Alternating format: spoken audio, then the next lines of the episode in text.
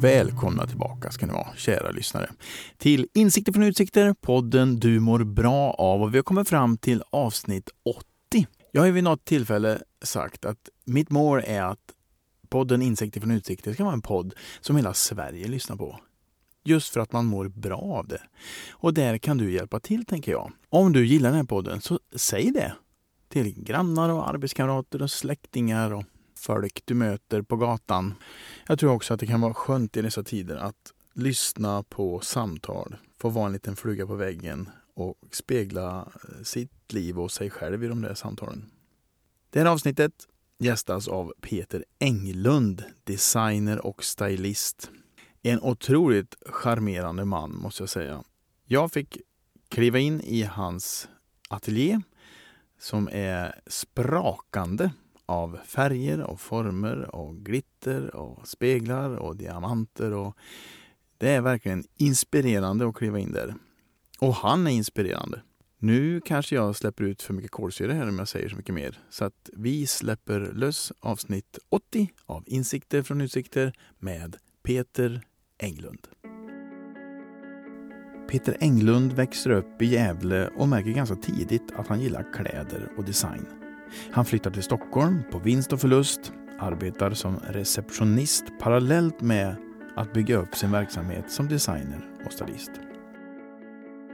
Nu har han ett kontor på 200 kvadratmeter på Drottninggatan i Stockholm och designar Pernilla Wahlgrens hybris-turné, Melodifestivalens artister, Guldbaggegalan och mycket, mycket mer. Men vem är mannen bakom alla dessa kläder? Vilka är Diamond Dogs? Och varför har han svårt att förstå att man gillar honom som han är? Detta och mycket mer kommer här. Men först lite gay-snack.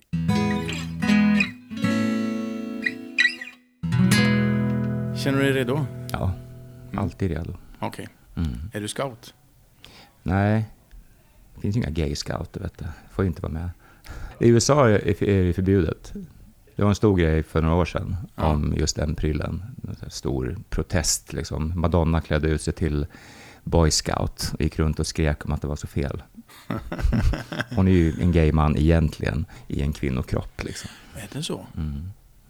Har hon sagt det själv eller är det något som du har kommit fram till? Många tjejer som, som eh, har ett väldigt stort gay following, de Mm. brukar säga så om sig själva, att de egentligen är gay killar liksom. Ah. Maskerade till kvinnor. Har vi någon sån i Sverige? Jättebra fråga. Jag har faktiskt aldrig tänkt så. Men det finns ju en mass, massa artister, kvinnliga artister som har väldigt mycket gay-fans. Ja, Lena Philipsson till exempel. just det. Det undrar jag om hon skulle hålla med om. Kanske inte. På hur man tänker. Hon är ju väldigt kvinnlig så att... Ja, Mm.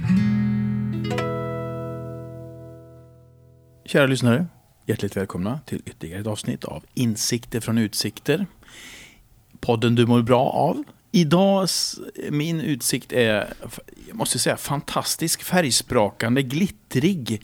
Ehm, eh, en palör av färger och former som, det är inte många rum som bjuder på det här. Jag sitter hos stylisten och designern Peter Englund. Hjärtligt välkommen! Tack så mycket. Här kan man få mycket inspiration av Ja. alla dina kläder. Ja, det är meningen. Man har ju som en display kan man säga, för Mm. inspiration till kunder och så. Att eh, man ska kanske känna som du känner, att man kommer in i någon form av färgexplosion bara. Ja, Ja, det känns som allt är möjligt här inne. det är också det. Det, det finns inget tak, Härligt. brukar jag säga. Nej. Om man inte vet vem Peter Englund är, Mm. Stylisten alltså, för Peter Mm. Englund, Svenska. Akademin, Mm. det är inte Mm. du. Nej, jag kunde tjäna mycket pengar, men jag kunde låtsas vara han. Ja. Frågan är om du skulle vara lycklig. Det tror jag inte. Nej. Jag har fått mycket förfrågningar om föreläsningar. om Poltava och allt vad det är för vad någonting. roligt det hade varit om du åkte iväg. Mm, precis. Och bara, tjena, jag tänkte snacka lite design. Ja, tömma en pava vin innan bara, Ja, så bara babbla liksom. Vem är du? Jag eh, är, eh, man börjar från början, enda utbildningen jag har egentligen, det är servitör Mm. eh, på 80-talet. Och efter det så har jag liksom flaxade runt ganska länge, jobbade mycket i reception som telefonist, för tydligen har jag ganska trevlig röst. Absolut. Och så har jag en social förmåga och så. Ehm, satt på Teaterförbundet till exempel i tre år, i den receptionen. Och där behövdes det mycket, mycket empati. Och även på den tiden innan corona. Ja. Det är en väldigt speciell bransch, teater, liksom. det vet vi ju alla. Eh, och efter det så kände jag, jag alltid känt sedan jag var liten att jag ville jobba med kläder på något sätt. Mm. Så att nå- på något vis gled jag in på det när jag började med dragshow 1999. Då fick jag liksom vara producent, kostymör, designer, stylist, koreograf. Allting ingick i det paketet. Mm. Så på något sätt så skapade jag den basen för att jag skulle kunna göra allt det som jag egentligen ville göra. Och vi har ju sett mycket av dina kreationer på tv. Ja. Mello, Mm. eh, Idrottsgalan, Mm. kanske även Guldbaggen. Ja, ganska mycket. Mm. Men jag tänkte vi skulle starta med en liten törr faktaruta bara. Ja, Rakt upp och ner. ja. Så det är korta frågor, korta svar. Fullständigt namn. Peter Göran Englund. Men Oj. om någon säger Peter Göran så svarar jag inte. Nej, Det började redan i grundskolan, i ettan. Men var hatar namnet. Göran. Det är så fult. Jaha. Ja. Vi ber om ursäkt till alla som sitter och lyssnar som heter Göran. Byt namn. tycker, tycker Peter. Okej. Ålder. Eh, 57 i mars i år. Bor. Eh, Kungsholmen, Stockholm. Civilstånd. Gift. Yrke. Var du inne på lite grann, men om du kort bara komprimerar, vad säger man att, du är? Nu för tiden så blir det stylist och designer. Mm. Lite längre tillbaka kanske var mera kreatör var ett bra ord.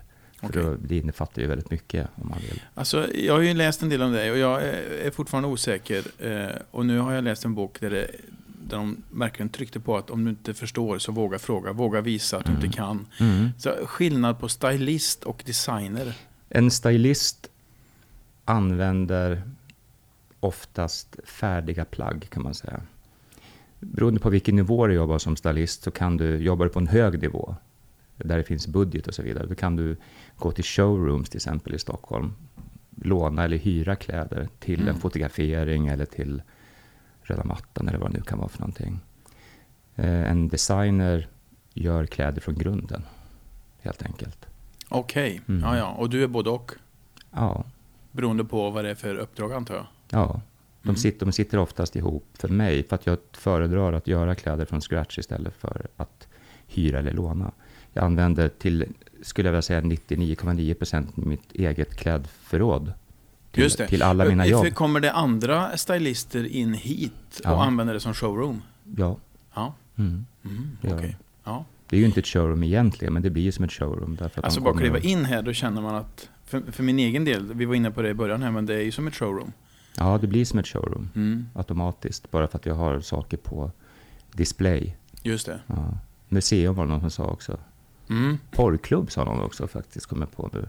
För några veckor Ja, sedan. den har jag... Han sa så här, åh, det är som att komma in i en porrfilm från 80, från 70-talet. Ja, tack, sa jag. Det var ju, det var ju bä- bästa komplimangen på länge. Ja, nej, den kopplingen har jag inte gjort. Du har sett Jag- fel filmer. Jag har Malte. sett för lite porrfilm från Ja. 70-talet. Ja, Okej. det fixar vi.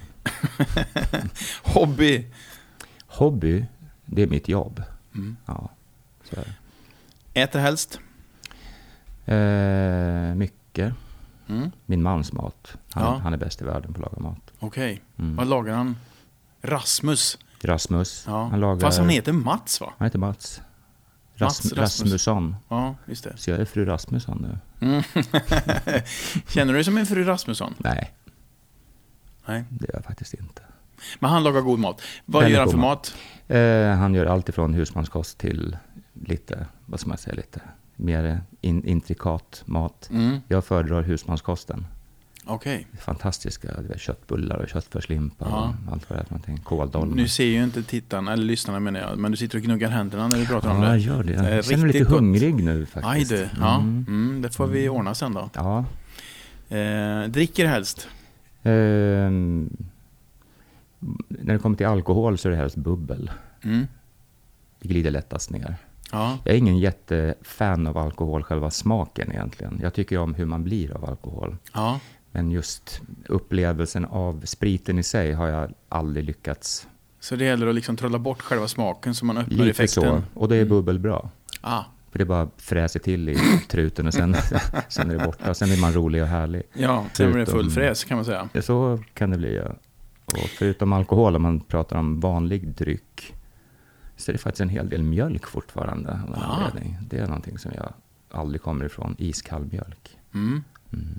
Det var länge sedan jag drack mjölk måste jag säga. Men Men det stuvade man makaroner med kall mjölk. Ja, det är ju exempel. gott. Väldigt gott. Ja. Mm. Din största inspiratör? Ehm, då menar du hobby slash jobbet då? Ja, exakt. Ja. Ehm, det finns flera. För det första finns det ju designers som har hängt med mig sedan 80-talet egentligen. Mm. Och det är ju Jean-Paul Gaultier till exempel. Eh, Thierry, Thierry Mugler, säger man Mugler. Han dog ju nu för några veckor sedan också. Eh, En tysk designer som var väldigt stor i Frankrike och sen hela världen. Liksom. Mm.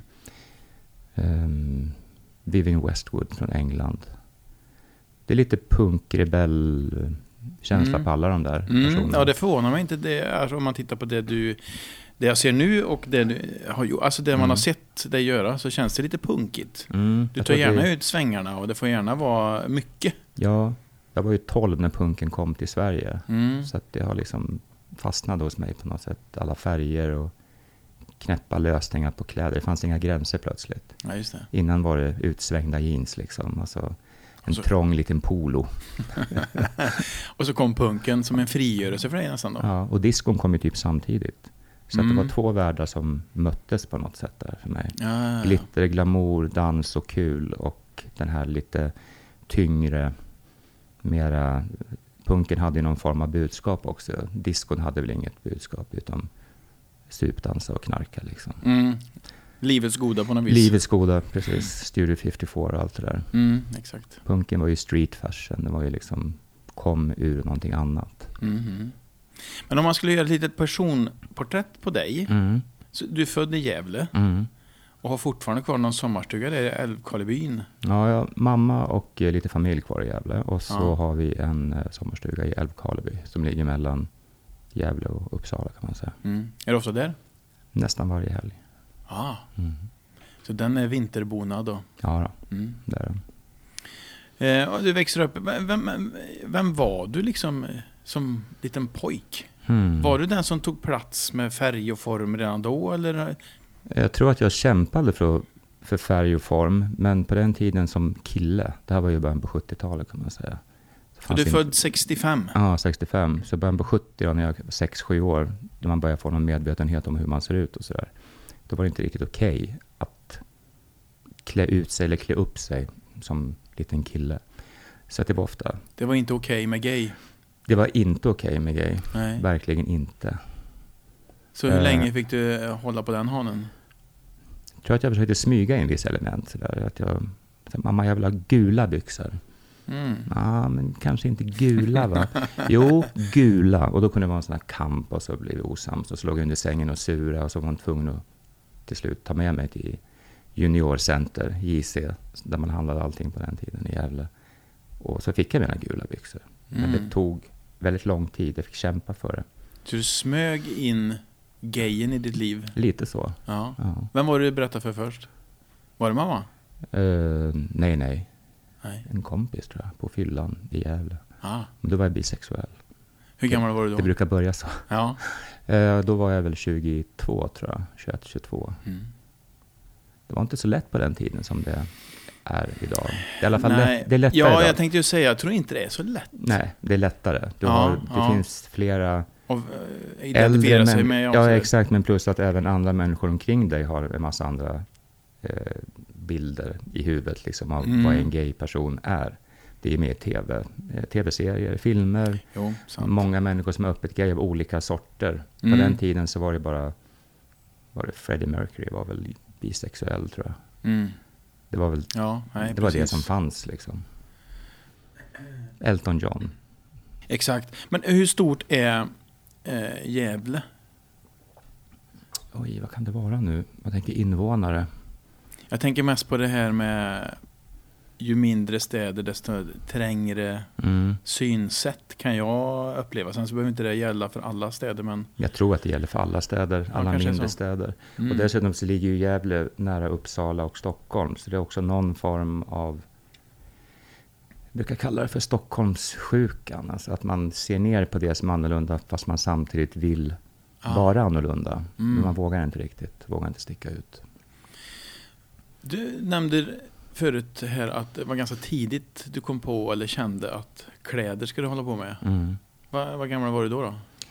Jag var nog ungefär fem, Oj! ja, för då fick jag min första Barbie.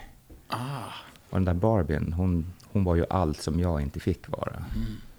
Allt ifrån liksom våldtagen i skogen till Säger du med ett skratt. Ja, nej, men det är så absurt. Inte våldtagen i skogen, men det var alltid väldigt eländigt med den här Barbien. Hon var alltid ute och blev lämnad i någon skog eller skulle ta sig hem och hon... Ja, det väldigt- okej. väldigt dramatiskt allting. Ja, så, och jag tänker också på, även på kläder. Ja, väldigt hon fick väl ha gula byxor så att säga, långt Ja, innan ja. du fick. hon, hade, hon hade krinolin när jag var fem. Ja, just det. Mm. Aha. Mammas lampskärmar försvann där. Mm. Mm. Okej. Mamma bara, vad är min gröna lampskärm? jag vet inte, så jag. Hade du fixat, sytt ihop något till din Barbiedocka då? Ja, jag gjorde hål i lampskärmen upp till liksom. Och så ja, ja. stoppade jag ner dockan. Då blev det en stor kjol. Men du var kreativ från början? Mm. Alldeles för kreativ tror jag. Ja. Många Vad menar du med det, för kreativ? Nej, men jag tror att jag eh, hade så mycket behov av att vara kreativ. Att Ja. jag blev på något sätt ett olyckligt barn. Jag var lite kvävd. Mm. Nu när jag är gammal, vis och vuxen, så när jag ser tillbaka så förstår jag varför jag kanske betedde mig på ett speciellt sätt. Varför var jag så arg när jag var sju år? Ja. Fattar du vad jag menar? Ja, Nå- ja, Någonstans ja. måste det komma Men ut. du var, ett, var du ett argt barn? Jag var ganska ilsken när jag var liten. Mm. Men jag tror att det har att göra med eh, att jag Inte för- förstådd. förtryckte så mycket. Och så förstod jag inte själv inte heller varför jag... Varför var jag arg? Ah. Jag fattar inte det. Det gör man inte när man är liten. Man reagerar ju bara på omgivningen och Ja, allt just som det. händer. Men det tog sig uttryck i skolan också förstås. Ja, men där var jag väldigt timid faktiskt. Ah. Mm. Vart var du arg då? Jag är ju en pleaser också, eh, Mm. såklart. Jag vill ju att fröken ska tycka om mig. Ja, Så det är ju. klart. Christer kan åka ut från lektionen för att han slänger suddgummi, men inte jag. Jag är alldeles för fin för det. Mm. Det var hemma. Ja, ja. Mm. Många dörrar som slängdes igen och många krukor som åkte i golvet av vibrationerna. För jag tänker på din mamma, hon kanske förstod långt innan du sa något, tänker jag. Mm. Om... Eh, att du var gay. Nej, det tror jag inte. Okej. Nej. Det, Hur- fanns, det fanns inte i deras värld. Jag är ju adopterad också. Så att eh, mina... Det visste inte jag. Nej, det är inte riktigt sådär etablerat kanske. Nej. Men ingen hemlighet överhuvudtaget. När blev du eh, adopterad? Eh, de fick mig när jag var tre månader. Mm. Mm. Har du någon kontakt med dina biologiska föräldrar? Mm, nej, de är döda båda två nu. Min mamma dog faktiskt, min biolo- biologiska mamma dog faktiskt i höstas. Men du har träffat henne? Nej, aldrig. Men du visste vem det var? Jag hade Eftersom koll, du vet att hon är jag hade död. koll från 80-talet, för då kollade jag lite, jag hade någon form av identitetskris när jag var 20 sådär. Mm. Du vet, gå tillbaka till rötterna sådär. Och då hittade jag via folkbokföringen, eller vad heter det, pastorsexpeditionen var det på den tiden. Där fanns det uppgifter fortfarande, som jag fick ta del av, men biologiska föräldrar får inte, fick inte då i alla fall ta del av de, mina uppgifter, men jag kunde få deras. Så då var det på gång att jag skulle göra någon form av kontakt, men det blev aldrig av. Jag tror jag var lite för feg för det. Ja, feg. Jag vet inte det Hade inte så mycket ord, att komma med, kommer jag ihåg att jag tyckte. Så här, ska jag komma med? Så här, jag gör ju inget, jag är arbetslös i Gävle. Och och gå på Victoria fredag, lördag och är full, ska jag säga. det kan man ju inte komma med. Ja, men en mor tror jag skulle ta emot det. Är min gissning. Så kan det mycket väl vara. Och sen har jag ju fem halvsyskon också. Och det fick jag reda på nu i höstas. För att då, när hon gick bort då, Jaha. så var det en person som kontaktade mig som hade med, vad heter det, eh, testamente att göra. Mm. Jag är inte med i testamentet, kan jag bara förtydliga. Eh, Men jag var med av någon anledning fortfarande som hennes eh, biologiska barn. Det är Mm. intressant efter alla år. Mm. För de visste inte att jag fanns. Och hennes nuvarande man då visste heller inte att jag fanns. Nej. Eh, Blir du sugen på att ta kontakt med Jag har, syskonen? försökt, jag har försökt via den personen. Att han, jag har sagt att han hälsar dem att jag gärna ses. Mm. Men jag har inte hört något än, så att vi får väl se. Ja, Kanske inte så intressant med ett sjätte halvsyskon, vet. Ja, det vet man ju aldrig, men då har du ändå sträckt ut en hand. Och så, får, Absolut. så får de avgöra. Ja. Och pappan då? Eh, han dog när jag var två. Ja, okej. drunkningsolycka. Och det fick jag reda på för att jag ringde till pastorsexpeditionen på den orten då, som jag kommer ifrån. Eh, och då sa tanten där väldigt smidigt. Ja, sa han? Nej, men han dog på fyllan ute på, ute på fjärden. Jaha, sa jag. Ja, det var ju tråkigt. Det var ju rakt. Väldigt rakt, spontant Mm. sådär. Jag får ju tusen frågor här, för det här har jag missat i min research. Jag hade ingen aning faktiskt. Tror inte att det står någonstans. Nej, Du har en exclusive nu. ja det får jag ju. Ja, ett scoop. Men eh, det är klart att det har ju påverkat dig en del. Förstås, både medvetet och undermedvetet. Men vet du Jag tror, att var- jag, jag tror att jag har påverkat hela mitt liv, brukar jag tänka. Nu blir jag väldigt djup här. Ja, det går An- alldeles och utmärkt. Analyserande. Men jag tror att det, adopterade personer tror jag över- överlag blir påverkade utan att de förstår varför. Mm, Man bara har med sig det. mm. Vad är det man har med sig? Eh, bortlämnad tror jag. Mm. Det skapar någon form av omedveten otrygghet och eh, sökande efter någonting. Och sen när man fattar att aha, jag är adopterad, då kommer nästa eh, ska man säga, steg i den utvecklingen. Hur gammal var du när du fick reda på att du var adopterad? Jag var fem. För på den tiden, och jag tror att det är så fortfarande, så rekommenderas det att man ska få veta det väldigt tidigt. Ja. Så att det inte kommer som en chock i tonåren eller någonting sånt. Det ska komma från adoptivföräldrarna så ska det vara väldigt pedagogiskt och, och bra. Liksom. Var det då? Var det pedagogiskt? Ja, jag fick någon bok från eh, barnavårdscentralen, vet jag. Mm. Bilderbok, liksom, väldigt enkel så. Där stod så här, är barnet, bla bla bla. Och här är de nya föräldrarna, så här fina teckningar. Mm. Så att det var en ganska mjuk, Ja. mjuk grej. Men det skapade ju någonting av eh, att inte höra, höra till. Mm.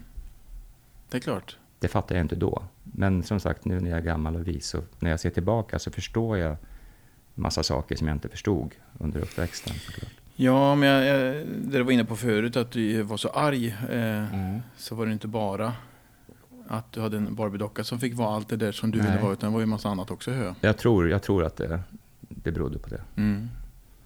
Hur mycket tänker du på det nu? Varje dag. Ja. Det blev så aktualiserat då när, eh, när jag fick höra det här i höstas. Då kom ju allting upp till ytan Mm. på något sätt. Och vad är det du tänker när du tänker på det varje dag? Ehm, Det är en jättebra fråga. Jag tror inte att det är någon riktig eh, en, en, en tanke så. Det är mer omedvetet tror jag. En Att känsla bara, eller? bara dyker upp så. Ja. Har jag fått något mejl nu? Mm. Lite så. Mm. Men sen slår jag bort det väldigt fort. För livet måste ju fortsätta. ja. Men finns det någon längtan efter något? Mm, jag tror att eh, information tror jag. Ja. Det skulle vara kul att veta hur hon såg ut. Mm. Finns det någon likhet med halvsyskon utseendemässigt? För det är ju alltid någonting jag har saknat. Just det, någon slags identitet. Ja. Det vet jag när jag var liten kunde jag vara ledsen att mina kusiner var så lik hela familjen. Mm. Men jag var ju inte lik någon. Just det. Och fortfarande jättefascinerad av eh, när man ser kompisar som får barn. Att man ser likheterna direkt i barnet. Mm. Jättefascinerad av det. Mm. Då hoppas jag att du får svar på det. Ja, Du har ju ändå gjort vad du kan, Peter, känner jag. ja, jag kan inte göra så mycket mer nu. Nej, du har sträckt ut en hand. Mm. Och eh, har vi lite tur så är det någon av dem eller någon kompis till dem som lyssnar på den här podden. Man vet aldrig. Som kan förtydliga för dem att det vore fint av er att ta emot den utsträckta handen. Ja, jag håller med. Mm.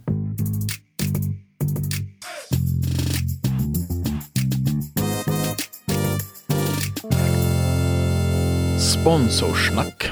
Det finns köpcenter och så finns det köpcenter. Och så finns det Bergvik. Alltså Bergviks köpcenter. Bästa Bergvik.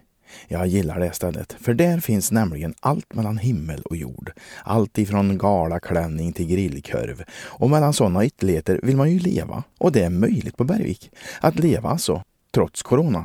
För där finns stora ytor och vidtagna åtgärder så man kan vara lugn och trygg när man handlar på Bergvik. Så håll i och håll ut. Åk dit och håll avstånd. Handla tryggt och säkert så vi alla får möjlighet att befinna oss mellan himmel och jord på bästa Bergvik.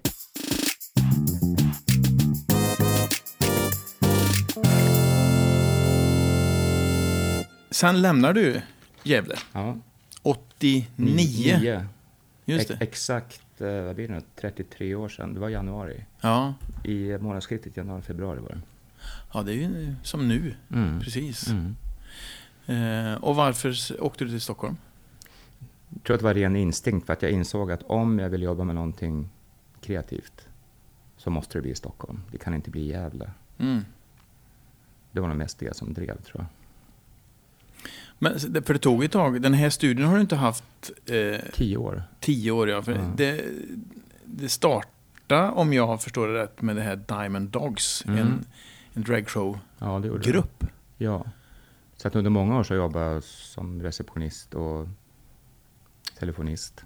På Teaterförbundet. Teaterförbundet tre år och så Gula Tidningen satt jag på flera år som annonsmottagare. Ja, Okej. Och sen var det dragshow på kvällar och helger. Ja, men det kom lite senare faktiskt. Ja, ja. det gjorde det. Så att jag, I'm a slow starter, brukar jag säga. Det handlar Det- också om det här med, du vet, självförtroendet. Att vågar jag verkligen ta det här klivet? Jag hade långa samtal med min man till exempel. Vill du ha en transa som springer runt på stan? Det bara, Känns det jobbigt liksom? Men det var inga problem. För ni har hängt ihop länge. Ja, det är eh, 28 år nu i sommar. Ja. Mm. Men gifte er bara för några år sedan, va? Ja, det för att han har tjatat i 20 år. Han det. Mm. Till slut så bara, ja. Ja, Peter, det är praktiskt. Jag bara, okej, men då, då kan vi göra det. Mm. Ja, men det finns ju lite praktiska och ekonomiska också. Ja, men när man kommer upp i åldern. Ja. Ja, när man Du inte, har varit inne på det flera gånger. Ja, men det är så här, man, det finns ju ett större behov av, eh, vad heter det, Eh, safety net, alltså skyddsnät, när Ja, man, just när man blir äldre. Ja. På, av olika anledningar. Mm. Och det känns som att det är dumt att, att inte, det är ungefär som att inte vaccinera sig. Hör ni det allihop? Just det, gå och vaccinera er. Ja, men precis. För att det handlar också om skyddsnät. För att om någonting, hellre så kanske jag får någon bieffekt av mina sprutor istället för att bli jättesjuk och hamna på intensiven. Mm. Så tänker jag. Ja, jag, Skyddsnät. och jag, jag håller med i ditt tänk. Mm. Mm. Och tydligen så tyckte han att det var okej Mm. Att hänga ihop med en transa. Ja, Eller hur? får man ens säga så idag? Jag vet inte. det var du som sa att jag bara Ja, speglar jag det du säger. Man sa så på den tiden. Ja. Ja. Men, men hur, ser, vad, hur tänker du på det själv? Du säger transa. Ja, fast det är mer skämtsamt. Jag, jag, jag tycker att det här var också en, fråga som alltid dök upp när jag höll på med det. Eh, är det inte jobbigt att gå till Konsum sådär? Ja, men det gör jag ju kanske inte. Liksom. Jag jobbar ju med det här, jag är dragshowartist, det är en jävla skillnad Ja. egentligen. Att ha, jag är inte avundsjuk på sådana som verkligen har problem med könsidentitet och sådana saker, för det måste ju vara fruktansvärt jobbigt. Den biten har jag tack och lov sluppit. Du, du, eh, vad är, du, du känner att du är... Jag är en showartist, Ja. liksom. Men jag tänkte i könsidentitet. Man, Man. ja, Ja. verkligen. Mm. Mm. Ja, vi har ju sett några kreationer eh, och det är ju något vi måste prata om. Det är ju dansbandet Mm. Diamond Dogs. Med Z, ja, såklart. fantastiskt. Eh, min utegrill till Ja. exempel. Ja. Eh, och jag förstod, om jag förstod det hela rätt så du skriver alla texter. Mm. Vem gör melodierna? Eh, Det var lite olika. Framförallt så har det varit Erik Linder, en sång, Mm. sångare och låtskrivare som jag jobbar mycket med då. Ja. Jättebegåvad. För där är ju du då, om vi får uttrycka oss så där slarvigt, transa. Mm. Du är sångare Mm. i dansbandet Mm. Diamond Dogs Ja. med Z. Och det var mycket förvirrande för många. Ja. Till och med för mig, för jag började leta Mm. på bilder, men Peter är inte med. Så bara, ja, det är Ja. klart att det är han som är sångerskan. Ja. Men där kom ju lite rebellen fram med mig. Ja. Det, är, det är en ganska, det är en ovanlig, jag vet inte ens om det har gjorts innan. Eller efter. Jag tror att vi kanske var först och kanske de sista också som gjorde det. Men det provocerande i att ha bilder på en person som ser ut som en kvinna. Och sen kommer rösten. Mm. Just det, ja. För du sjunger ju, om man lyssnar så du är ju inte på det höga registret heller, utan det är ju verkligen baryton och har, bas. jag har en ganska mörk Ja, röst överlag. ja. Och så har jag en ganska böj, böjliga stämband tydligen. Det kan gå upp långt. Jag Ja, för att när det omtag på, om vi håller oss kvar vid låten Min utegrill, Mm, så kör du ju någon slags överstämma Ja. i sista vers. ja. Så att eh, Du har Precis, det. Du sjunger ja. väldigt, väldigt bra, Tack, Peter. tack. Jag brukar säga att jag är en oslipad diamant. För att, Ja, för att stämbanden är som vilken muskel som helst, för den måste ju tränas, tränas, tränas. Så ju mer man sjunger, ju längre man håller på, desto bättre blir man ju på, på att sjunga. Mm. Och jag har ju inte sjungit, när vi gjorde det här så hade jag inte sjungit på jättemånga år. Mm. Så att det var som att börja från början nästan. Och då, det som saknas i rösten då, det är den här riktiga, som jag då tycker om hos sångare, känslan. Att man känner vad de sjunger om. just det. Och den, den tar tid att träna fram. Det är precis som att bli skådespelare. Du ska ju föreställa, få publiken att förstå vad du, vad du, vad du, vad du pratar om när du Just spelar det. teater eller sjunger. Tol, tolkningen liksom. Men tolkningen av eh, Min utegrill är väl inte, för den är ganska ironisk om inte jag fattar det. handlar om allt med det. Kill i kill. Allting och bygger det på humor. Råd, en låda rött och du Ja. sover med utegrillen på vintersäsongen. Ja. Du får till och med in ägglossning. Ja, Eh, Fantastisk Ja. eh, låt. ja. Den finns på Spotify. Alla ni Ja. som sitter och lyssnar nu. Eh, Min utegrill med dansbandet Diamond Dogs. med Z. Och så kolla på musikvideon på YouTube också. Ah, den har jag missat. Det är bland det roligaste jag har gjort.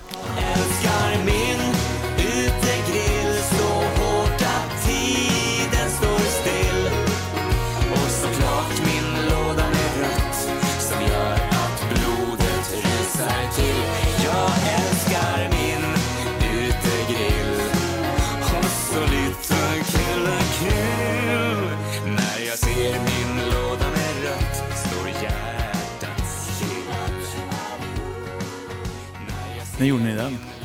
Det var i samband då med eh, när vi släppte första albumet. Mm. Och det här är ty- 2014 typ, kanske? Ja, jag tror att det var 14 och 15. Ja. Har ni mycket spelningar? Ja, framförallt under corona. ja, vi får ta det som en parentes med corona, för ingen hade ju spelning då. Nej, nej vi, vi, eh, jag var förvånad att vi fick så mycket som vi fick. Med Mm. tanke på att det var lite provocerande.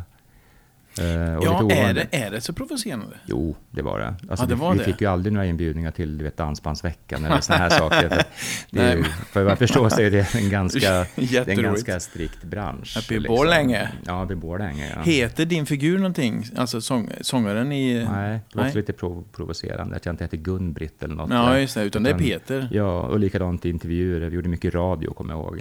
Mm. Och också svårt för folk att få ihop rösten med karaktären. Och Mm. då tyckte jag att det skulle vara så fånigt om jag ska sitta... För jag pratar ju alltid så här. Jag förställer ju mig inte. Jag blir ju inte liksom femininare för att jag... Nej, Har- här, har- det här är ju är- Peters röst. Det är samma karaktär hela tiden. Ja. Jag har samma typ av humor och samma typ av uttryck oavsett vilka kläder jag har på mig. Jaha. Eh, Så därför kändes det så fånigt. Ska jag ta då, ska jag heta, ska jag heta Gun-Britt? Ja, tja, jag heter Gun-Britt och eh, Mm. det går ju inte ihop. Nej. Nej. Och jag spelade inte en karaktär, jag var ju mig själv fast jag i en annan skepnad på något sätt. Så har jag alltid sett på drag. Mm. Ja, för det går igen också. Du gjorde lite barnprogram. Super-Peter, eller Mm. Superdräkten. Tre år körde vi det. Ja. Då har du också samma röst då. Ja, det som var uppskattat där, det var ju att jag var väldigt normal med barnen. Mm. Att jag inte spelade en roll av någonting, utan jag var väldigt avslappnad och naturlig. Så ungarna, det tog fem minuter, sen accepterade de mig som jag såg ut. Just det. Det var aldrig frågor liksom om smink eller är du kille eller tjej, ingenting sånt. Utan fem minuter, sen var det lugnt. Ja. Och sen kunde vi köra på bara babbla. Det var under Bolibompa och du eh, hjälpte ungar att göra dräkter. Ja, Alltså om man ville se ut som någon i Kiss. det handlar om återvinning. Att man, ah, man, tog, det- okej. man tog gamla prylar och så skapar man Mm. eh, kläder utifrån det. Då, från någon referens de hade. Ja. Jag såg några klipp, men då var inte du med utan då var det mer en kvinnlig röst som förklarar hur man gör eh, en, en dräkt så att man ser ut som en av medlemmarna i rockgruppen Kiss till exempel. Precis, de gjorde någon eh, för mindre barn tror jag. Så att det ska vara mer komprimerat. Jag tror de kanske bara är tre minuter långa eller någonting sånt. Mm. Väldigt hands-on hur man ska göra. Ja, just det. Men dragshow ligger lite nere nu eller? Var tvungen att välja till slut. Jag gjorde så jäkla mycket. Det var barnprogrammet, det var dansbandet, det var dragshowgruppen, det var design och styling och så var det även showproduktion till viss del. För att jag höll ju i produktionen av de här akterna också. Med bokningar och P, allt vad det innebär. Mm. Det är ju mycket jobb med det. Och då kände jag till slut bara att nu måste jag nog sluta med någonting och fokusera på någonting för mitt huvud höll på att gå sönder helt enkelt. När, vart är vi nu i år? Eh, 2017, då skulle Diamond Dogs fira, fira 15 år Mm. som akt. Och då planerade vi göra någon form av jubileum och turné och sådär. Och så kände jag när vi satt mitt i det att jag orkar inte det här. Så att då kände jag bara, prata med de andra, så att jag tror vi lägger ner nu. Mm. Vi firar 15 och så gör vi någon kul grej och sen lägger det på is i alla fall. Och så kan jag ägna mig helt åt ateljén. Mm. Och det har inte ångrat en sekund. Det är jätteskönt. Ja, vad härligt. Mm. Jag var ju tjock jag vill och äta hur mycket jag vill. Ja, men det tror jag du inte vill vara. Jag, för du är lite noga. Lite fåfäng. Ja, till viss del. Ja, det Fast- låter som jag värderar det, det gör jag verkligen inte. Eh, Utan, jaså? nej, Nej. Nej, men alla är väl lite fåfänga, såklart. ja det tror jag. Så är det. Om man inte har någon, någon form av fåfänga, då kan man ju lika gärna lägga sig i en krypta och Kan man heta Göran och bo i Gävle? Gävle, ja precis. Det finns säkert. Förlåt Göran i Gävle. Du kör säkert trak traktor också. Jag brukar säga att hade jag inte flyttat från Gävle så hade jag varit deprimerad traktorchaufför. med, med riktiga alkoholproblem. Mm. Men nu är du istället en, en framgångsrik eh, designer och stylist. Med alkoholproblem? Nej. Har du det? Nej, jag faktiskt var nykter hela januari. Mm. Ja, för att jag kände... Det är det här med corona också. Jag har gått upp 10 kilo under corona. Jag tror att mycket av det beror på att det var lite för lätt att ta några glas vin. Ja. Mm, Man har ingen plan för dagen efter. Äh, kan vara lite trött imorgon, tänker man. Ja, spelar ingen roll. Nej. Nej, spelar ingen roll. Och då kan det bli lätt att falla in i någon trall som... Ja. Det är lite farligt liksom. Ja, ja, jag fattar. Mysigt att sitta här nere med några kompisar och dricka vin. Det vet ju du, du har ju varit här. Absolut. Det är väldigt trevligt. Och när man har druckit ett par glas vin då är det väldigt lätt att ta fram en påse chips. Så är det. Precis. Eh. Och dagen efter har man heller inga riktiga barriärer för vad man stoppar i sig. Liksom. Nej. Så att 10 kilo var inga problem att gå upp. Mm. Det gick fort. Ja, men grejen är att jag innan corona så hade jag alltid nykter i januari. Bara för att på något sätt landa efter jul, nyår Mm. och allt sånt. Så att jag försökte komma in i någon bra rytm. Liksom. Men nu är vi i februari. Hur är det, hur är det nu då? Ja, jag skulle ha druckit då sista januari, måndags. Mm. Jag hade planerat några kompisar, men då blev det inte av. Men det var inget problem, det var ganska skönt. Så, Ja. ah, men gud. Ja, det är jag pigg imorgon, fan vad bra. Ja, det är ju det. Mm, Det finns en massa fördelar med det. det gör ju det. Mm. Mm. Var det något förresten som, vi, som du tycker att jag missat med, med din karriär och sådär? Och, Mm, nej, vi har ju pratat om design, styling, dansband, dragshow, barnprogram. Jag tror att det har väl täckt allt. Mm. Ja, kom vi på något mer så. Jag har skrivit låttexter i och för sig till Ja, Shirley, just Shirley. Shirley Clamp och Ja. lite andra. Någonting med din vinge eller dina vingar eller? Din vinge, ja. Ja. handlar om min mormor. Ah. Det var en väldigt fin text. Jag läste den då när jag upptäckte att du skrev till Kjell Knapp, för henne har jag lite kontakt med. Mm. Och det visste inte jag. Och även att ni skrev låtar ihop. Mm. En jullåt gjorde vi. Just det. Mm. Där skrev hon och Erik, tror jag, skrev melodin. Okej. Och sen var det hon och jag som fixade texten. Oj. Blir du inte sugen att eh, göra lite alster och skicka in till Melodifestivalen? Du som ändå har massa kläder med där. Ja, eh, återigen, det känns som att det kanske räcker. Måste ha ett fokus Mm, någonstans. så inte huvudet sprängs nu igen. Ja, men skulle någon höra av sig, jag har en låt här, kan du skriva en text? Då kanske jag skulle göra det. Men jag skulle inte orka ge mig in i det här produktionsbiten och skriva melodier och så vidare. Nej. Det tar för mycket tid och de som verkligen kan det ska göra det, brukar jag tänka då. Ja, men jag tänker också att Diamond Dog skulle göra succé tror jag på Mello. Ja, det var många som sa det då. Och Mm. vi skickade väl in någon låt, kommer jag ihåg. Och det var flera som hörde av sig och hade gjort låtar som var, förlåt grabbar, skitdåliga. Mm. Som bara handlar egentligen om menar, kopior på Dolce Vita med After Dark. Liksom. Ja, nej, jag tror du... Sa, alltså, det, det är inte vad vi vill göra. Så du har hittat ett jättefint spår där med typ min utegrill. Ja, humor. Ja, och det här, Självdistans, all, alla vet liksom, har någon koppling till det och Mm. det vanliga livet. Men det som att tanken med alla de texterna egentligen. Att man skulle Mm. känna igen mycket Lite satirprogram fast i musikform. På Ja. Seinfeld Mm. i dansbandsform. Ja, svensk Kanske. drag. Vad hade vi för slogan? Det var ju det enda dansbandet med drag. Just det. Bra va? Ja, och vad heter den här skivan? Den, Den heter, heter något Min utegrill och andra, Andra grillbitar. grillbitar. Det tyckte jag var roligt också. Ja. Det är ordvitseri på Povel Ramelsk nivå tycker jag. Jag, jag, jag log med hela ansiktet när jag läste det kan jag säga. Bra. Du har sagt, du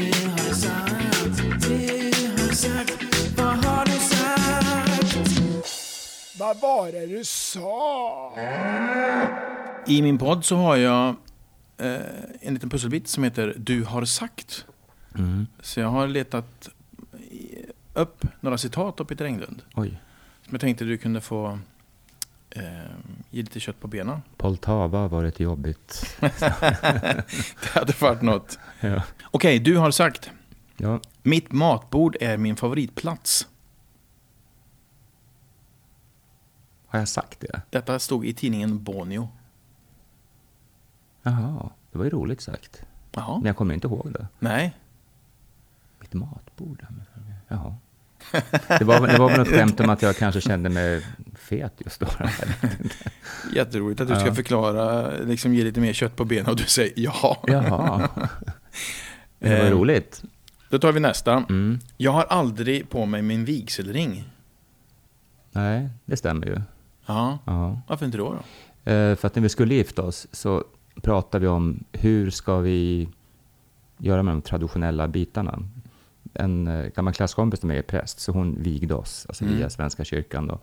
Och det kändes väldigt traditionellt och, och sådär. Och kanske inte egentligen vad jag ville göra, men jag gillar henne och så gillar jag. Mm. Ska man göra, ska man Du vill inte göra det traditionellt? Nej, men jag är inte så intresserad. Jag kommer att diskutera med henne. Ska vi, vi, måste man sjunga salmer? Så hon bara, ja Peter, det ingår i vigselakten i Svenska kyrkan, ja. så det måste vi göra. Aha, det kändes jobbigt. Kan man inte ta en annan låt liksom? Min utegrill. Ja, eller Vill ha dig med freestyle eller någonting. Mm. Men eh, nej, det gick inte riktigt att rucka på, för det finns ju vissa då i den här akten. Ja, vad heter det? Liturgi? Så kan det nog vara. Mm. Mm. Och ehm, så pratar vi om ringar. Jag använder aldrig smycken överhuvudtaget. Det är ju lite förvånande.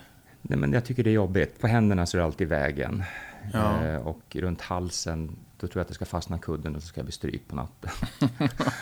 och handlederna, nej, aldrig varit min grej riktigt. Eh, så att vi sa bara, vi, okej, vi ska ha ringar, men vi behöver ju inte ha dem på oss. Okej, men Rasmus har på sig ringar eller? Nej. Ni har dem i en, i en ask? Ja, min ligger slängd på någon hylla på landet, vet jag, om någon är intresserad. Okej, Bakom om någon- som är intresserad Bakom av någon Peter tavla. Englunds. Vigselring. Mm, Mm. Men vi hade dem för själva akten, för det är också det där med att... just det. Mm, Ja, det är ju en massa symbolik i det där. Best man och, och så satte Ja. den på fingret. Så. Och sen var det bara att rycka bort det så. Ja, jag tror jag hade den på den kvällen kanske. Mm. Okej. Mm. Jag gillar hud.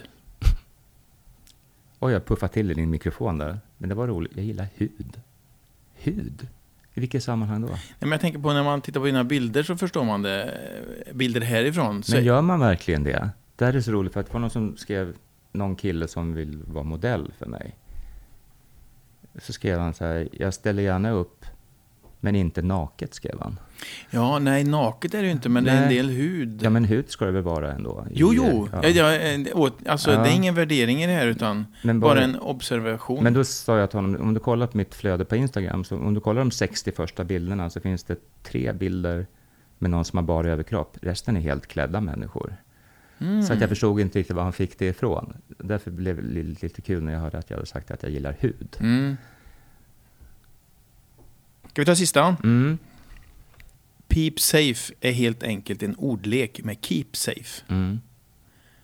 Vad var detta? Keep Safe var en drive vi gjorde i början på corona. Det var Alexander Erik hjälpte mig med det projektet.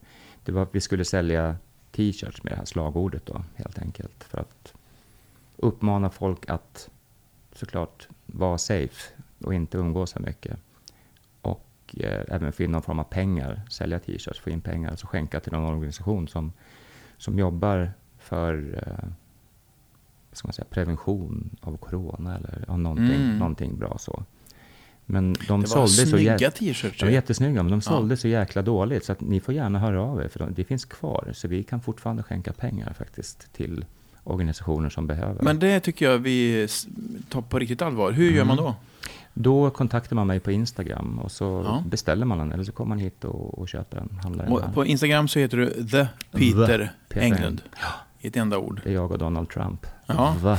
Donald Trump. Just det. Eh, och eh, då hör man av sig. Mm.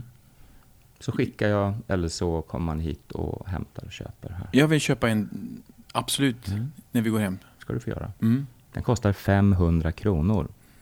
Och hur mycket går då till sjukvården? Eh, det ska allting göra. Därför att Men du måste ju ha haft någon kostnad för dem. eh, det var total spons Ah. faktiskt. Mm. Mm.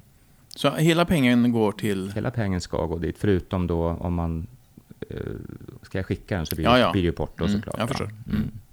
Mm. Och 500 känns som en, en rund slant. Det handlar egentligen inte om t-shirten, det handlar om Ja. själva saken. Ja. Och sen är det ju... Är det ditt, det här, alltså ditt märke som är som en liten piltavla, Mm. men ändå mods tänker jag Mm. på. När man ser den. När jag skulle göra en logga så googlade jag faktiskt piltavla. Ah. För att det var någonting jag hade i huvudet bara. Ja. Det blir snyggt tänkte jag med en logo i i mitten med bokstäver. Just det. För Så- PIP står egentligen för Peter Englund Epic, Productions. Productions. Ja. Ja, Mm. blygsamt. Mycket. Mm. Men då dök piltavlan ut med klassiska, vi har svartgula med ganska smala ränder. Men i samband med den Google-sökningen så dök det upp, eh, jag tror det var tunnelbanan i London som dök upp. Mm. Den, den har ju också samma, Ja. i princip samma form. Så den fastnade jag för. Mm.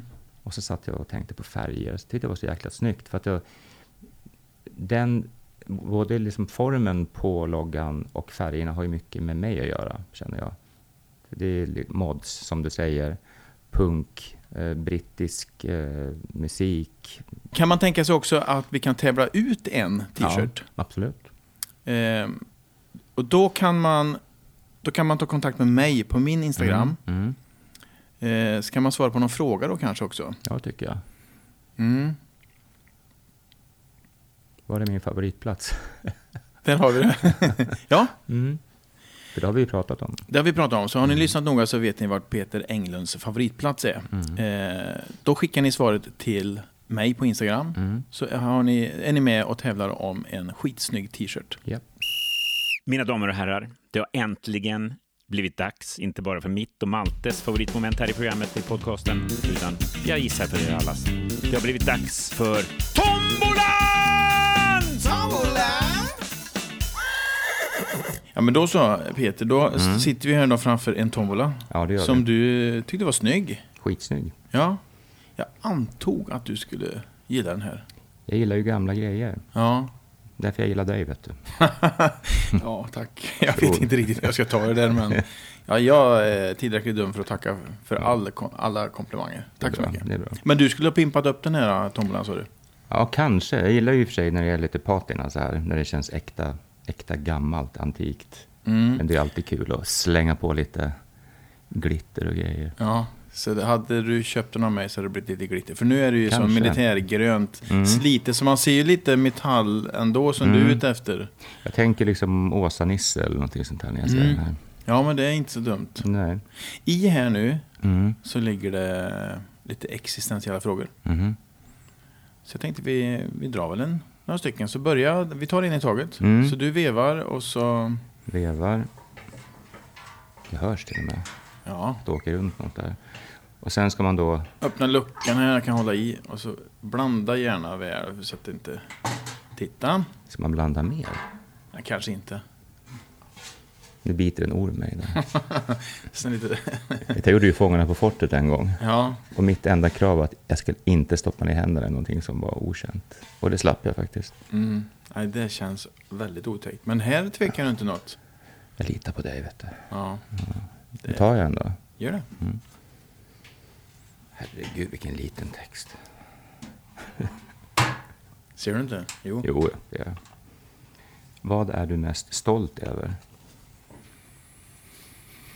Jäklar, vilken bred fråga. Mm. Mm. Vad ska man rikta in den på då? Jag tänker att du kan ta det som dyker upp i huvudet, det första. Att jag är här, tror jag.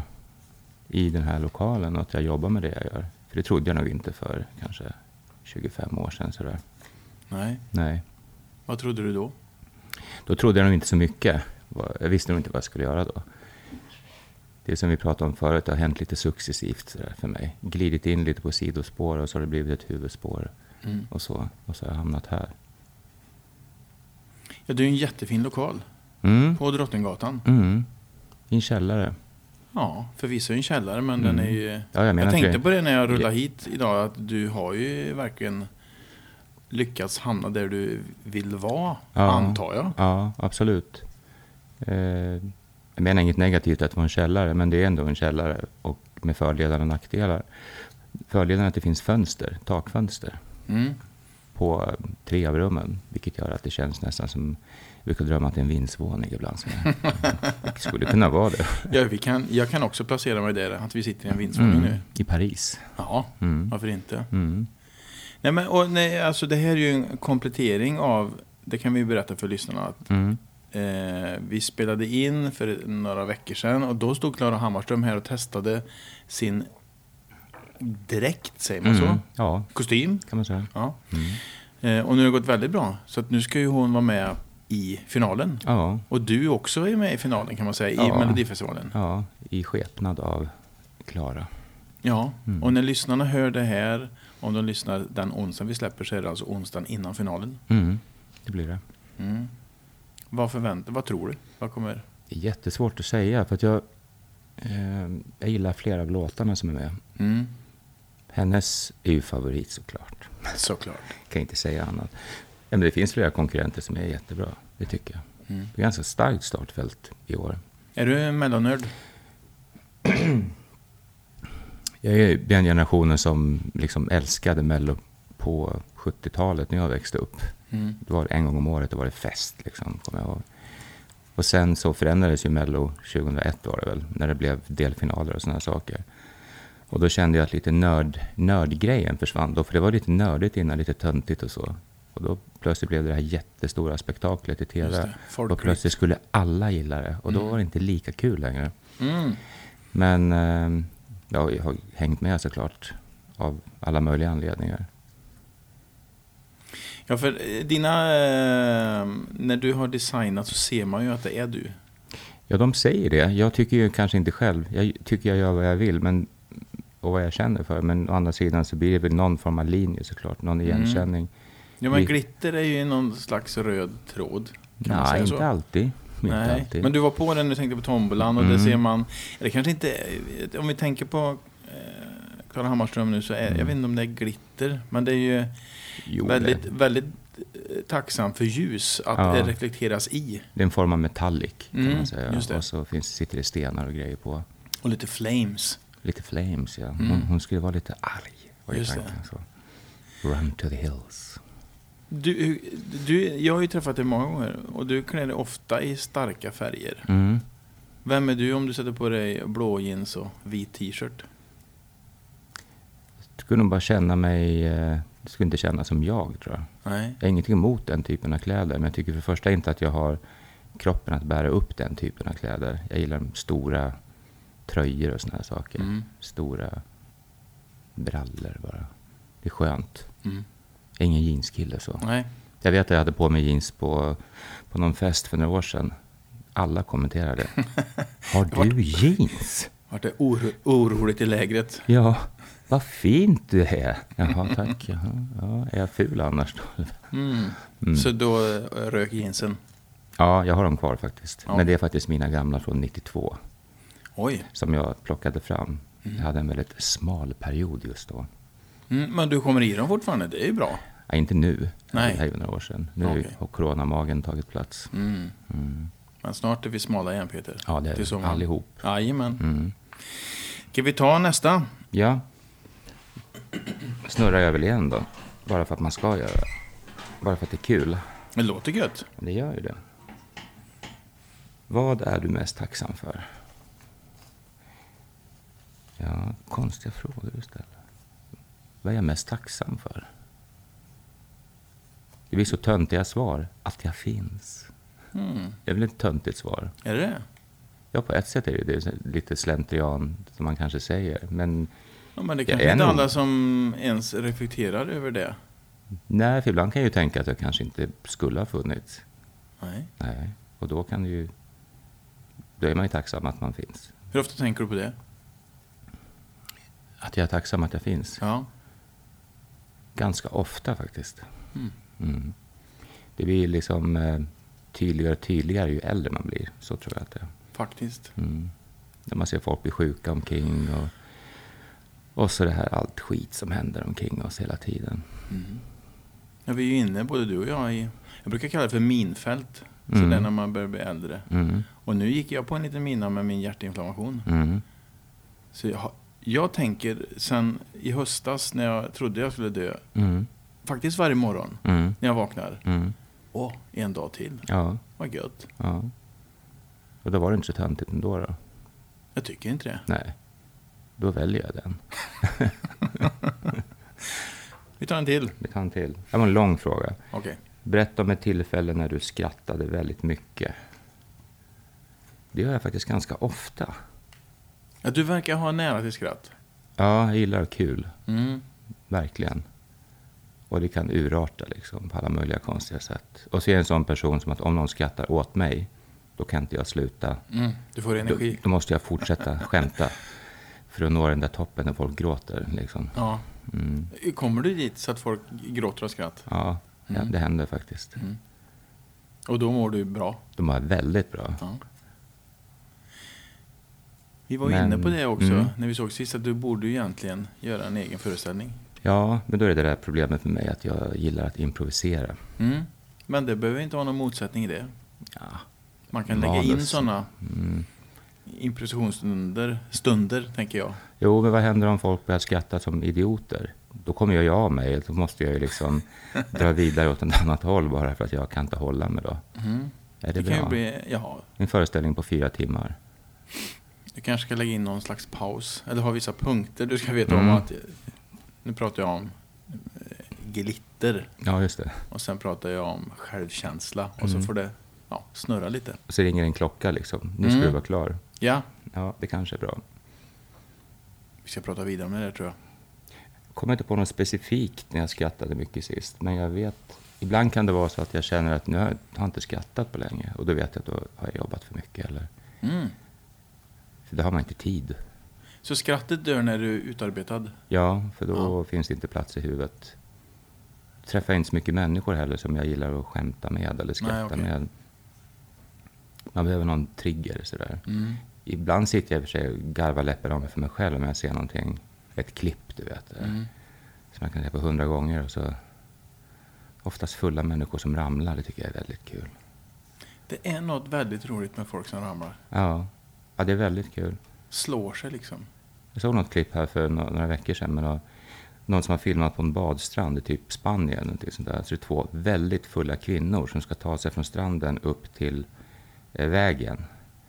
Och de ramlar varenda steg och ramlar bara rakt på ansiktet så att arslet står rakt upp i vädret. Han har filmat allt det här med en väldigt svajig kamera för han skrattar väl Ja, själv. så han- skrattar väl han har fått Ja. ja. Då, då, det var farligt för då kunde jag inte sluta titta.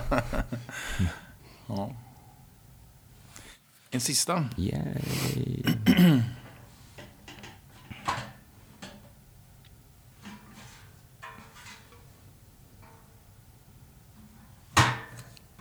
Andäktigt. Ja, det var det.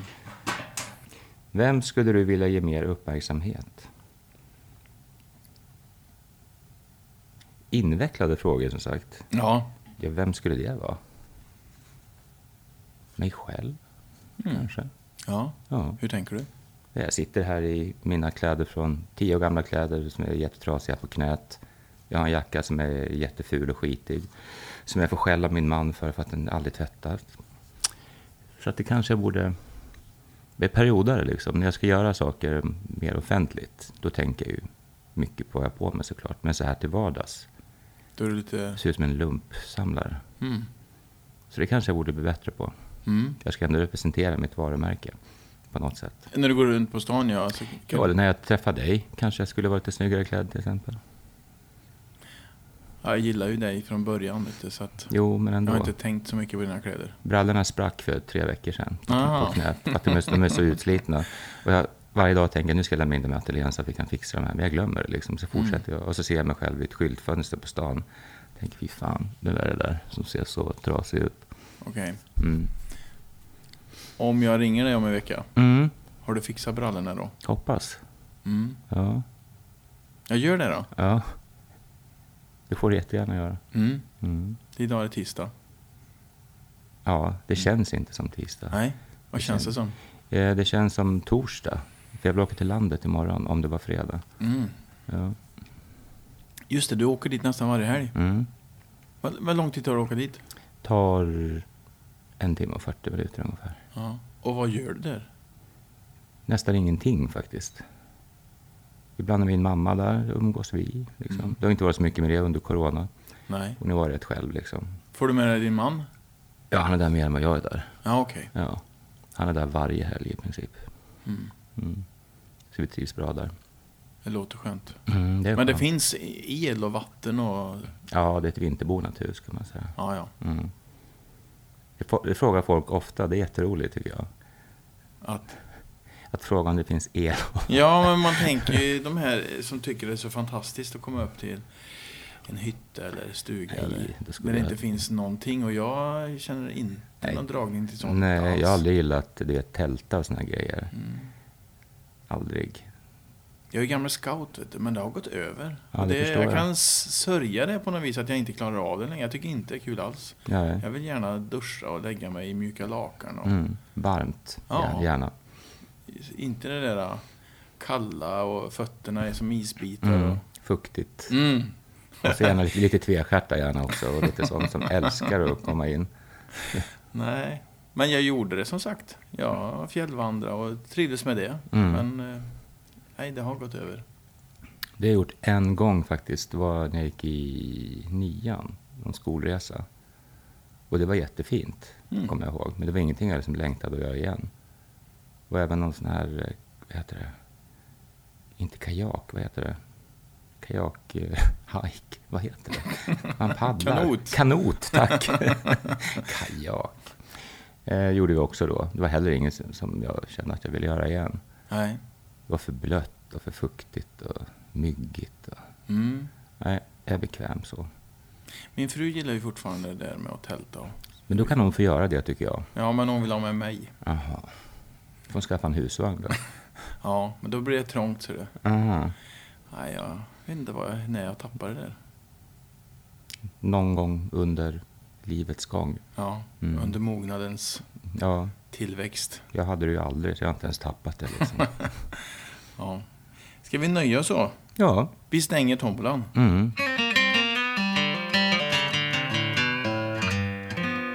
Om jag har läst rätt om dig Mm. så har du gjort musikal på Oscarsteatern. Stämmer det? Eh, Jag gjorde inte musikal, utan jag var, det var när eh, La Cage aux Folles gick på Oscarsteatern. Loa. Loa Falkman gjorde huvudrollen där.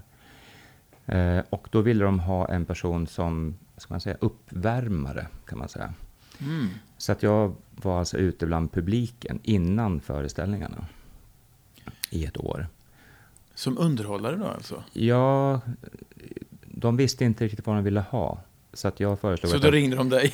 Nej, men de, de ville ha en dragartist i, eh, i, Ja, i okej. salongen. Så det, Ja, ja. Det, visste de. Liksom. Mm. Men sen var det upp till mig, tillsammans med Peter Dalle, var regissör, att på något sätt komma på vad jag skulle göra. Mm. För det måste ju finnas en mening. Man kan inte bara stå och med en, i en päls och se glammig ut.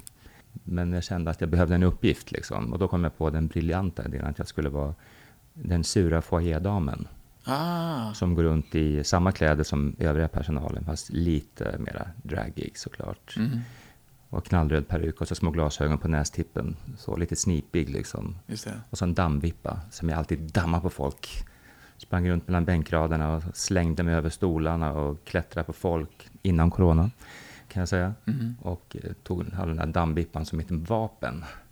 Och flyttade runt folk. Jag hade jättekul verkligen. Ska du Ah. verkligen sitta där? Nej, du är för liten. Du ska sitta där. Och så flyttade jag folk och så skrattade alla som satt runt omkring. Och så blev det som en egen liten föreställning innan föreställningen. Just du var inte på scen utan du var mitt i folkhavet och, Ja, och bara överallt. krångla. Ute i foajén, stod och öppnade dörren ibland och tittade att de såg lortiga ut, hade fula kläder och vet, åt det hållet. Ren, Tänk att, att det är så med oss människor att vi gillar att bli lite förnedrade. Ja, framförallt från en knäpp person. Ja, vad beror det på? Jag vet inte. För det är inte helt ovanligt grepp. Nej, det är inte alls Eh, ovanligt. Till och med från scen. Mm. Att, att håna. Alltså Driv- många stand-up som vi var inne på. Men att man tar tag i någon och så driver med den. Och, Mm. och det uppskattas stort av den som blir offer. Ja, och lika mycket av de som sitter runt omkring. Och det där har ju du lärt dig som, med att du står på scenen, har du lärt dig att känna av också vem som Ja. är mottaglig. Jo, jo. Vissa är ju inte mottagliga. Nej. Och det hände ju även mig där, när jag kom med dammvippan. Det var några tanter som, usch vad äckligt, vad det var det med den där vippan innan? Ja, ja. Vet, åt det hållet. Och gubbar, rädda, straighta gubbar som blir skiträdda. För det kommer en kvinna på två meter, tror de, och sen Ja. hör de rösten. och då blir det jättejobbigt. Det för det stämmer blir, inte alls med bilden av... Nej, men det blir någon kortslutning i hjärnan då. De Mm. blir rädda då. Ja, ja, det där har jag funderat på mycket, vad man blir rädd för. Är det för, för sin egen reaktion? Att Ja. man, "Oj, kolla vi är Exakt. snygg. Exakt det. Så det får inte jag tycka. Det är min teori. Det är exakt, Ja, det skulle jag- exakt det. Det blir en mind twist. Man förstår inte, men jag tänder ju inte på killar. Nej. Men jag blev tänd på den här killen. Ja. Men han ser ut som en tjej. det tror jag. Ja. Men lärde du, dig- lärde du dig till slut att se vilka som du gick- kunde driva med? Och, Eh, Jag lärde mig snarare, för oftast gick det så fort. För jag gick ju bara runt, jag rörde på mig hela tiden. För jag kände, stannar jag så det blir jobbigt, det blir awkward. Då måste jag liksom prata med folk på riktigt. Mm. Jag ska ju vara den här karaktären. Så att jag kunde gå förbi ett bord och ta ett glas och gå. Och så, men mitt glas, oj förlåt, jag trodde det var tomt. Alltså sådana grejer hela Ja, okej. tiden. mm. Eh, det jag lärde mig var att om det var någon som reagerade negativt, då gick jag därifrån direkt. Mm. Då försökte jag inte, det var ingen idé liksom. Då kände jag, ah, men du kommer inte tycka att det är kul. Vad Nej. jag, än, vad jag än gör så tycker jag att det här är jättekonstigt. Och då skulle man ändå se en föreställning som innehöll bara drag i två timmar. Och ändå den här reaktionen innan, det var, det vara så jäkla konstigt många Mm. gånger. Så du vet vad du ska se på scen va? Du ska ju se sådana som mig i två timmar nu. Men det, det Det, är är bara okej. Loa, det är bara Loa som är straight. Lite så var det väl. Ja. Det fanns ju några till i ensemblen. Jo, jo, men, säkert. ja. Ja, men är det något som sk- skulle vara kul för dig, tänker jag? Musikal? Ja, Ja, alltså när jag var tonåring så ville jag ju bli skådespelare. för du gillar ju uppenbarligen det här, gå in i någon roll. Ja, jag älskar det. Ja, Det är också en flykt från sitt eländiga själv på något Mm. vis. tror jag många scenpersonligheter tycker. alltså det är ju min spaning på dig. Mm. när man har läst mycket och nu berättar du om den här adoption, vilket stärker det Mm. också att dina färger och former är någonting som du gömmer dig bakom för Mm. någonstans så finns det en väldigt blyg liten kille. Ja, det tror jag nog. Jag, jag brukar säga det att jag är väldigt socialt hämmad egentligen. Och det, folk tror att jag skämtar. Men det är jag verkligen. Jag har till och med gått KBT för social fobi. Mm. Till exempel. Det funkade inte kan jag säga, men jag försökte i alla fall. Nej, men jag har ju träffat dig några gånger och det har jag nog kunnat läst av Mm. att det finns där. Ja, Sen så är du en människa som man tycker väldigt mycket om. det är skönt att höra. Ja. Men, Men det det- borde du veta om väl? Men det är, nej, det är svårt för mig att förstå. Mhm. Men vad jag skulle säga var att det är samma sak där. När jag träffade dig på ett event första gången till exempel, så jag tror det var Sinat som var gemensam connection för dig och Ja, mig. På golfbaren tror jag att det var. Just det. Mm. Och då vet jag att jag slängde ur mig något skämt till dig och så skrattade jag och då kände jag instinktivt, det där är bra. Mm. Det här, det här kan bli väldigt bra. Det är just den här den kontakten man får över ett skämt om man har samma humor. Yes. Då är det liksom öppet för all typ av kommunikation känner jag. Ja. Hade du inte reagerat så, då hade du nog inte suttit här nu tror jag. Då hade vi inte, Ah. då hade vi inte haft kontakt. Då hade du stängt. Då hade jag nog stängt lite, ja. Mm. Jag tror att du svarade någonting också väldigt snabbt och det är sån, Ah, okej. sån kommunikation tycker jag också är jättekul. Ja. Snabb, snabb replikföring. Liksom. Mm. Ja, eh, tillbaka till min spaning där då. Mm. För, för man ser ju också eh, ibland på, när du blir intervjuad på tv, jag såg någon Mm. intervju eh, som de gjorde på, Fruktansvärt, både ljud och bild. Ja men du blir väldigt obekväm i det. Ja, oh, kry, kryper i mig. Ja, och så tänkte jag på den roliga mannen som jag träffade på golfbaren Mm. jämfört med den som blev intervjuad. Det var ju eh, Mm. väldigt långt ifrån. Ja. Och då tänkte jag, vad är det som händer? Det är någonting som Alexander faktiskt, Ervik då, eh, PR-person ju, Mm. eh, pratat med mig om att jag måste skärpa mig i intervjuer därför att jag måste visa vem jag egentligen är. Mm. För han, vi delar ju lokal här i fem, sex år. Just Och det. det enda vi gjorde var ju garva hela dagarna. Ja. Åt sjukare och sjukare saker. Och så sa han, men när jag ser dig på TV så är det ju inte du. Du visar ingenting av humor eller värme. Liksom. Du är väldigt här, korrekt och strikt. Ja. Men det är också någonting som jag försöker förklara för honom att det har med MSN dragåren också. Folk förväntar sig någonting speciellt när du kommer in, en kille i tjejkläder. Du ska vara tokig och rolig och flamsig och du ska vara, du vet, den här Mm. härliga, roliga personen. Mm. Och då försökte jag alltid dämpa det, så att jag blev väldigt korrekt. För att det skulle balansera Ah. kläderna, eller liksom smink och hår och allt det här. Så att jag skulle framstå som en seriös person, Mm. mitt i allt det här. För jag skulle nästan vilja säga emot Alexander där, att du ska inte skärpa dig. Du ska slappna av. Mm. Ja, men han menar, menar att jag ska slappna av. Alltså. Ja, ja, okej. Skär, skärp Ja. dig Peter, du måste slappna av. Just det, men i det avslappnandet så får du någonstans lära dig att lita på att folk tycker om dig. Ja. För det tror jag inte, du, be- du behöver inte anstränga dig ens en gång. Ja, men det är fint att du säger det, men det, det känns alltid som att jag måste vinna folk på något sätt. Jag vet inte hur, det bara dyker upp i huvudet. Ja. Men också med åren så har det blivit mycket, mycket lättare. För nu känner jag, jag har ingenting att förlora längre. Nej. Om jag går in i ett sammanhang på ett möte eller vad det nu kan vara, ett event säger vi. Jag får kontakt med någon, som till exempel med dig. Det får jag genom att jag är ganska avslappnad ändå. Mm. Sinat är den, eh, ska man säga, eh, länken mellan dig och mig. Mm. Och hon är avslappnad och härlig. Då får jag kontakt med dig via henne. Jag tror inte vi hade kunnat få kontakt utan henne emellan. Mm. Det hade nog glidit förbi liksom. Ja. Men hur ska du klara dig utan Sinat i framtiden, tänker jag? Jag har många sådana väninnor. Ja. Men vore det inte en vinst i att, att förstå att folk tycker om dig? Jo, det är klart. Alltså jag fattar ju att folk tycker om mig. Det är Ja. inte det att jag sitter och säger att jag tycker att jag är värdelös på något sätt. Utan... ehm, ja, det här är väldigt svårdefinierat känner jag. Mm.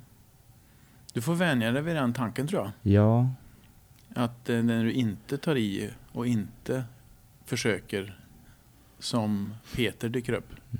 kan vara så. Och den gillar man. Också lite svårt det här med att, att kombinera att vara någon form av businessman samtidigt som man ska vara Mm. då artist, kul, rolig och färgstark. Just det.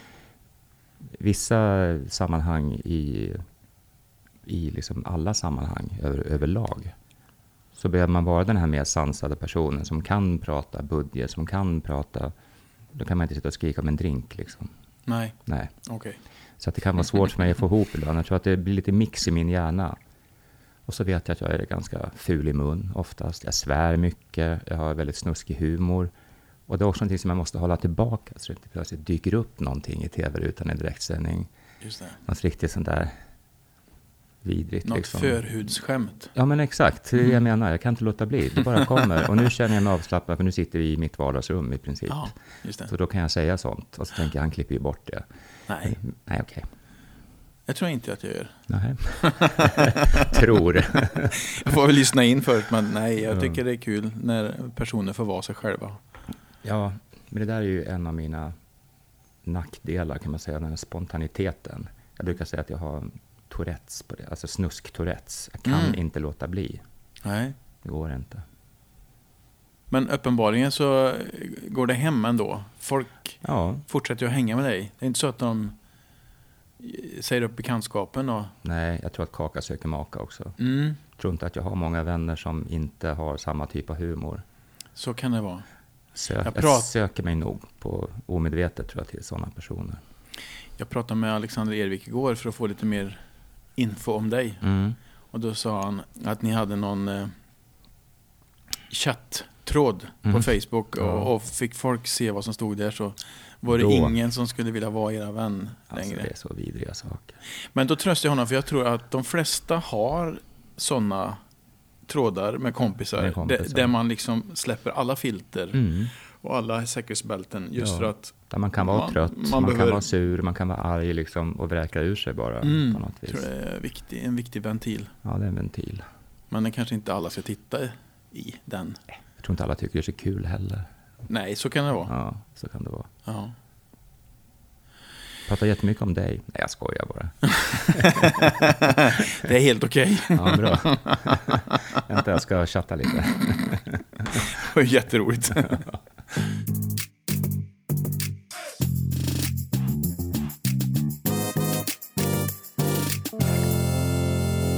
Sponsorsnack. Plasten är på väg ut och skogen är på väg in. Skogen visar oss på nya stigar kan man säga om man vill leka lite grann med ord. Det är en spännande utveckling vi har framför oss med skogen tycker jag. Bildskärmar och papper, kolfiber för lättviktsmaterial och till och med ölflaskor och papper. Tänk dig att ta en bärs och bli rak i ryggen som en fura. Och ska vi nu vänta oss framtidens produkter ur skogen så är det ju viktigt att det är ett bra gäng som tar hand om just skogen. Då finns Moälvens skog, förstår ni. De finns i Skårum. Bara en sån sak. Moälvens skog tar det på största allvar när det gäller förnya, röja, gallra och avverka. De är lyhörda, engagerade och driver själva lokala sågverk och förädlingsindustrier. De tar ansvar för kretsloppet och våra barns och barnbarns framtid. Så låt Moälvens skog bli ditt förstahandsval när det gäller skötsel av din skog. Moälvens skog. Deras bästa gren är mer timmer i skogen.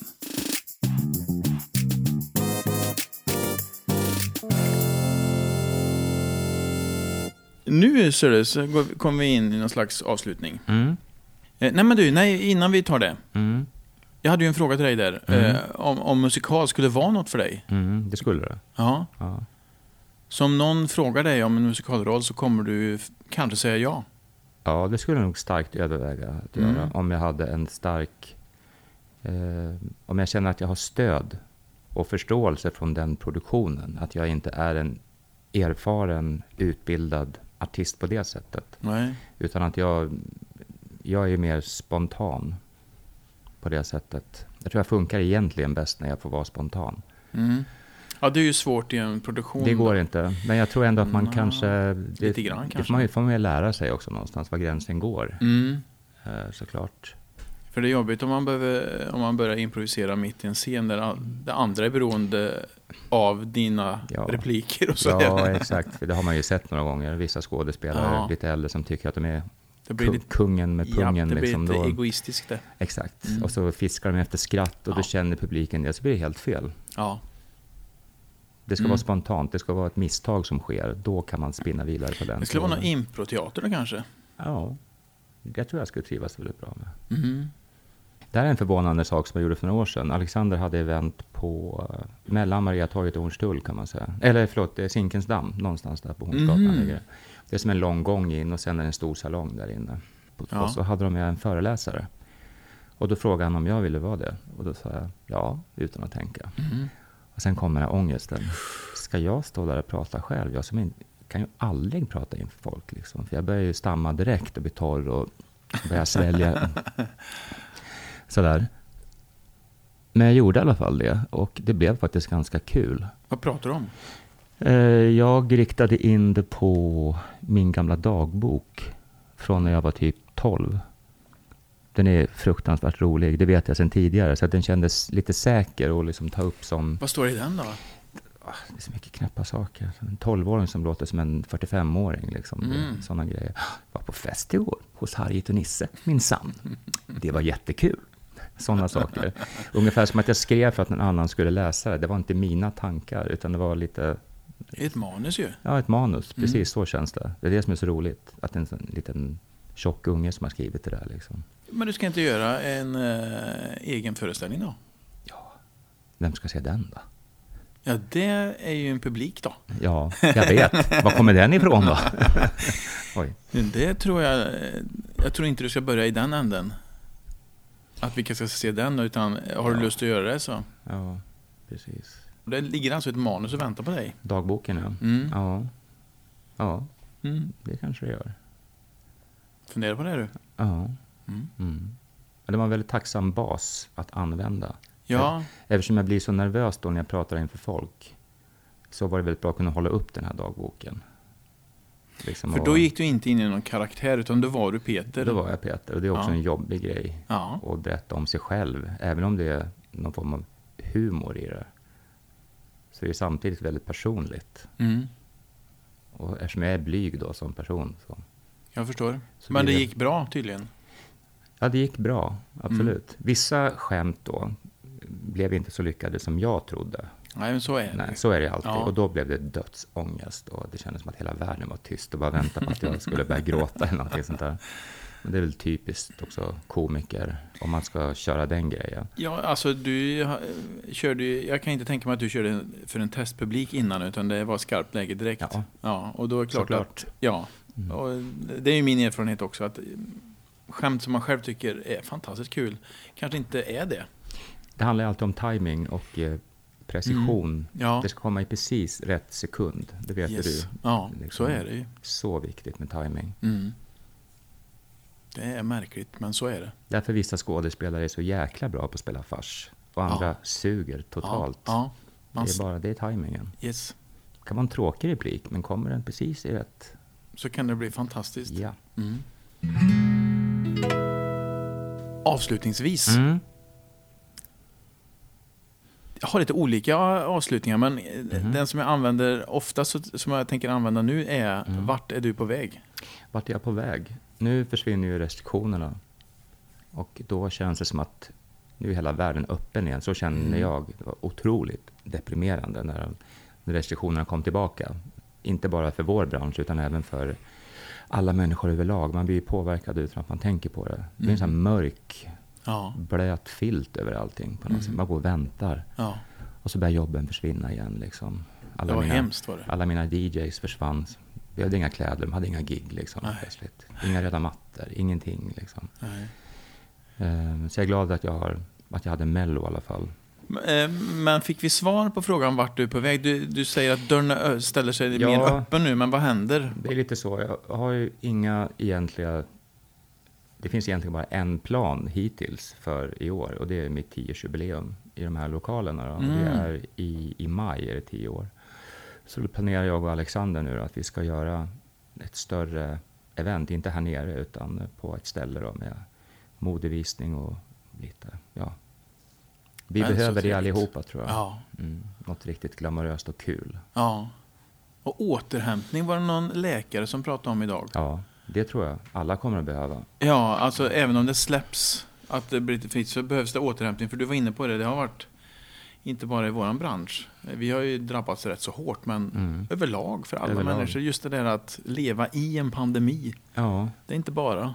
jag brukar jämföra med krigstillstånd faktiskt. Ja, Att man blir tvingad att göra saker som man egentligen inte vill. ja, Släck lamporna vid fem, annars kommer bombplanen var Mm. under andra världskriget. Liksom. Mm. Och nu, coronan har ju ställt till andra faror. Liksom. ja.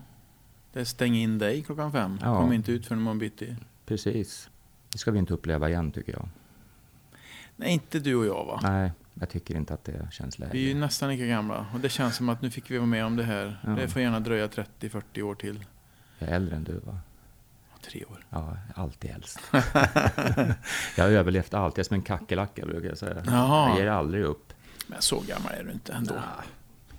Det känns, det, jag har ingenting emot att bli äldre egentligen. Det enda jag tänker är tiden. Alltså det blir kortare tid Kvar. kvar. Tänk- Det, ja. det tycker jag är jättejobbigt. ja. Sen skiter jag om, om man har chipstuttar. Det bryr jag mig inte om. Nej, precis. Utan det är det att, att livet är ändligt. Mm. Plötsligt så finns det faktiskt någon form av stopp där framme. Ja. Vad händer i dig då, när du tänker på det?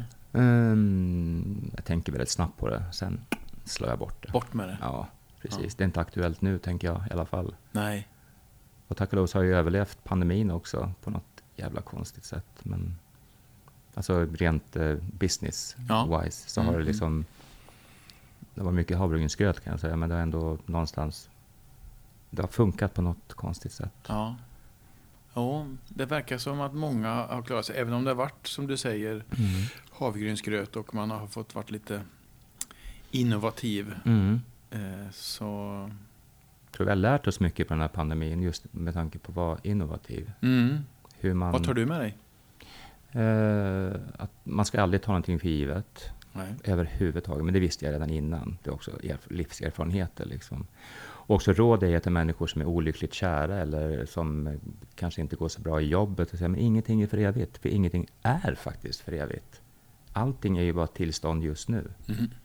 Kan förändras imorgon. Du kan bryta ett ben imorgon. Då kan du kanske inte jobba i alla fall på en månad. Du kan... Ja, förstår vad jag menar? Precis Ja. allt kan hända. Ja. Så man ska inte räkna till 100% med saker, för då får man ett jobbigt liv. Då blir man så besviken. Det skickar vi med till våra lyssnare. Ta hand om livet och eh, allting kan hända. Mm. Tusen tack Peter. Lycka till i framtiden. Ja, detsamma. och, eh, Gillar ju att stöta på varandra. Ja, det gör vi. Det hoppas jag verkligen. Ja. Vi säger då. Tack ska du ha. Tack. Mm.